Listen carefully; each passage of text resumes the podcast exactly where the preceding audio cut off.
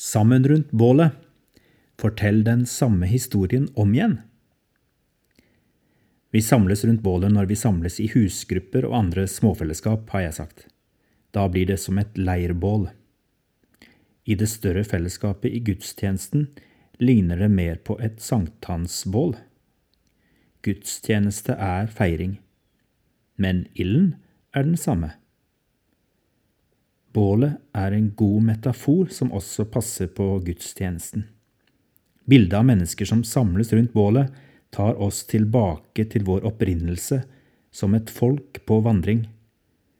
Vi er jo moderne nomader, velkjente med kjappe endringer og skifte av fokus fra det ene til det andre. Den negative siden ved å være moderne nomader er at vi fanges så lett av vår indre uro og kjedsomhet. Min generasjon og de som kommer etter oss, er barn av en rotløs underholdningskultur.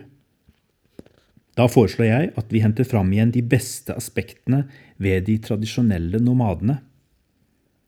De er endringsvillige når det behøves. De flytter seg ikke fordi de kjeder seg.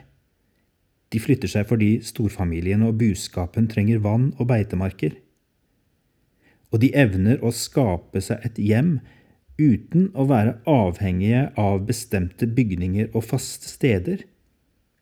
Ofte er det et enkelt bål som er det sentrale samlingspunktet. Desto viktigere er da ritualene og fortellingene rundt bålet. De som minner dem om hvem de er, hvem de hører til, hvor de kommer fra, og hvor de skal. Er det ikke dette vi samles for også som kristne, når vi samles til gudstjeneste rundt Jesus og hans fortellinger? En typisk nomade av vår tid kan riste på hodet og si Den historien har jeg hørt før. En tradisjonell nomade vil kanskje heller løfte hodet og si Fortell om igjen den historien om hvor vi kommer fra og hvor vi skal. Hva slags nomader rundt bålet vil vi være? En venn av meg, Bård Eirik Hallesby Norheim, som har skrevet og jobbet mye med kristen ungdomskultur, velger å se positivt på det jeg kaller den moderne nomaden.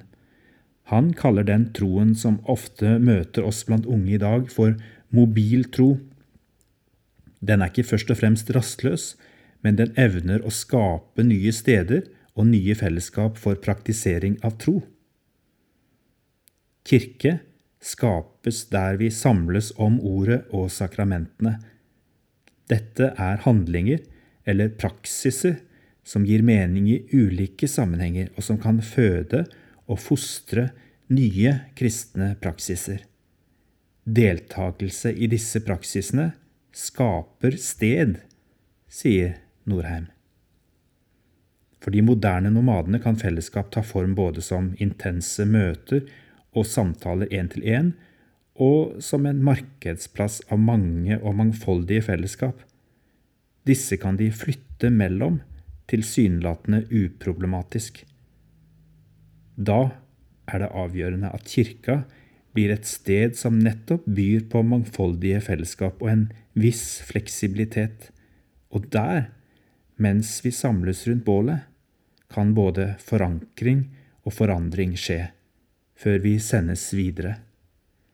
Barn, unge og voksne mennesker kan utfordres, styrkes og bli myndiggjort i den troen som de fikk i dåpen. Lavmælt samtale. Hvilket forhold har du til gudstjenester? Kjenner du deg igjen i bildet av den tradisjonelle og den moderne nomaden? Hva kan du bidra til selv for at deltakelse i gudstjenesten blir eller fortsetter å være en god vane i ditt liv?